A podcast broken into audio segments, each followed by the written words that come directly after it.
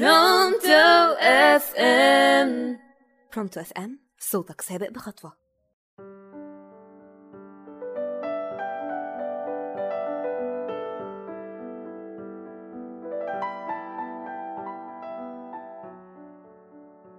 أهلا وسهلا بيكم وحلقة جديدة من برنامج شغف على راديو Pronto FM ومعاكم ابتسام مهران. يا ترى الشغف ليه سن معين؟ ليه حدود معينة؟ وهل النجاح سن معين؟ وهل في سن لما نوصل ليه نقول كده خلاص إحنا كبرنا مش معقول هنقدر نكمل؟ طب ده كلام ممكن يكون معقول ده رسولنا الكريم قال إذا قامت على أحدكم القيامة وفي يده فسيلة فليغرسها سامعين الحديث بيقول لنا إيه؟ لحد آخر لحظة في العمر كمل لو خلاص هتموت وكان في إيدك حاجة بتعملها كملها. وأنا بقول لك لو عندك حلم كمله وخليك وراه وحققه حتى لو كان عمرك 80 سنة. آه أنتوا سمعتوا كويس. على فكرة إحنا مطالبين إننا نحافظ على صحتنا الجسدية والنفسية لآخر يوم في حياتنا علشان نقدر نكمل أحلامنا ونكمل سعادتنا ومطالبين إننا نشتغل ونحلم ونكمل حياتنا بسعادة. طيب هحكي لكم حكاية هتعرفوا منها.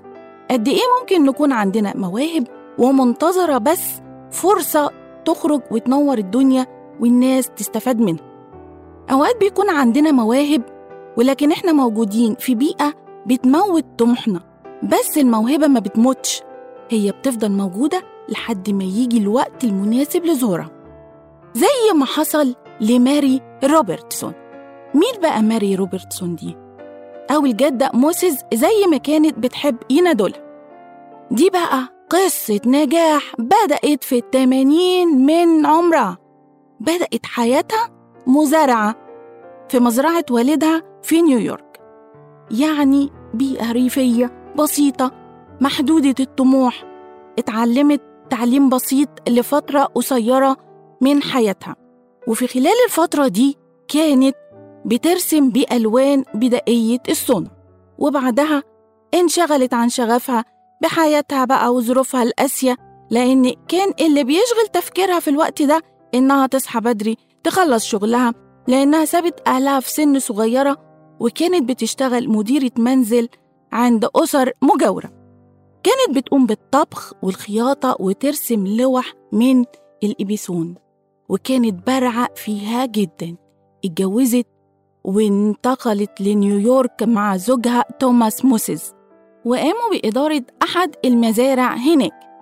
كانت موسيز مبدعة في منزلها وكملت جماله بأعمالها الفنية لأنها عوضت شغفها بالرسم بطريقة تانية هي نسج لوح من الخيوط اللي هو شغل الإبيسون.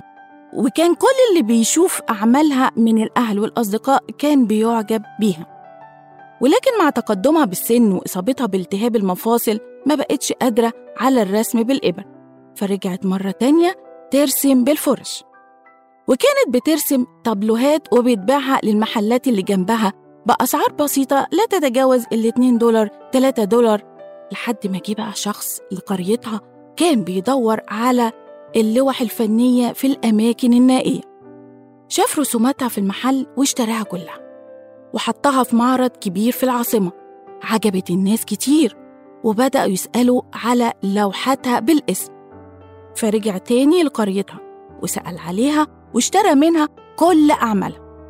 اشتهرت موسيز وعملت معارض لأعمالها في جميع أنحاء أمريكا وأوروبا لدرجة إن واحدة من لوحاتها وصل تمنها لمليون ومئتين دولار. عاشت موسيز شغفها ووصلت للشهرة واستمرت 21 سنة من النشاط المذهل وكأنها كانت بتعوض السنين اللي قضتها في العمل كمزارعة حاليا لوحتها معروضة في متاحف شهيرة في أنحاء العالم.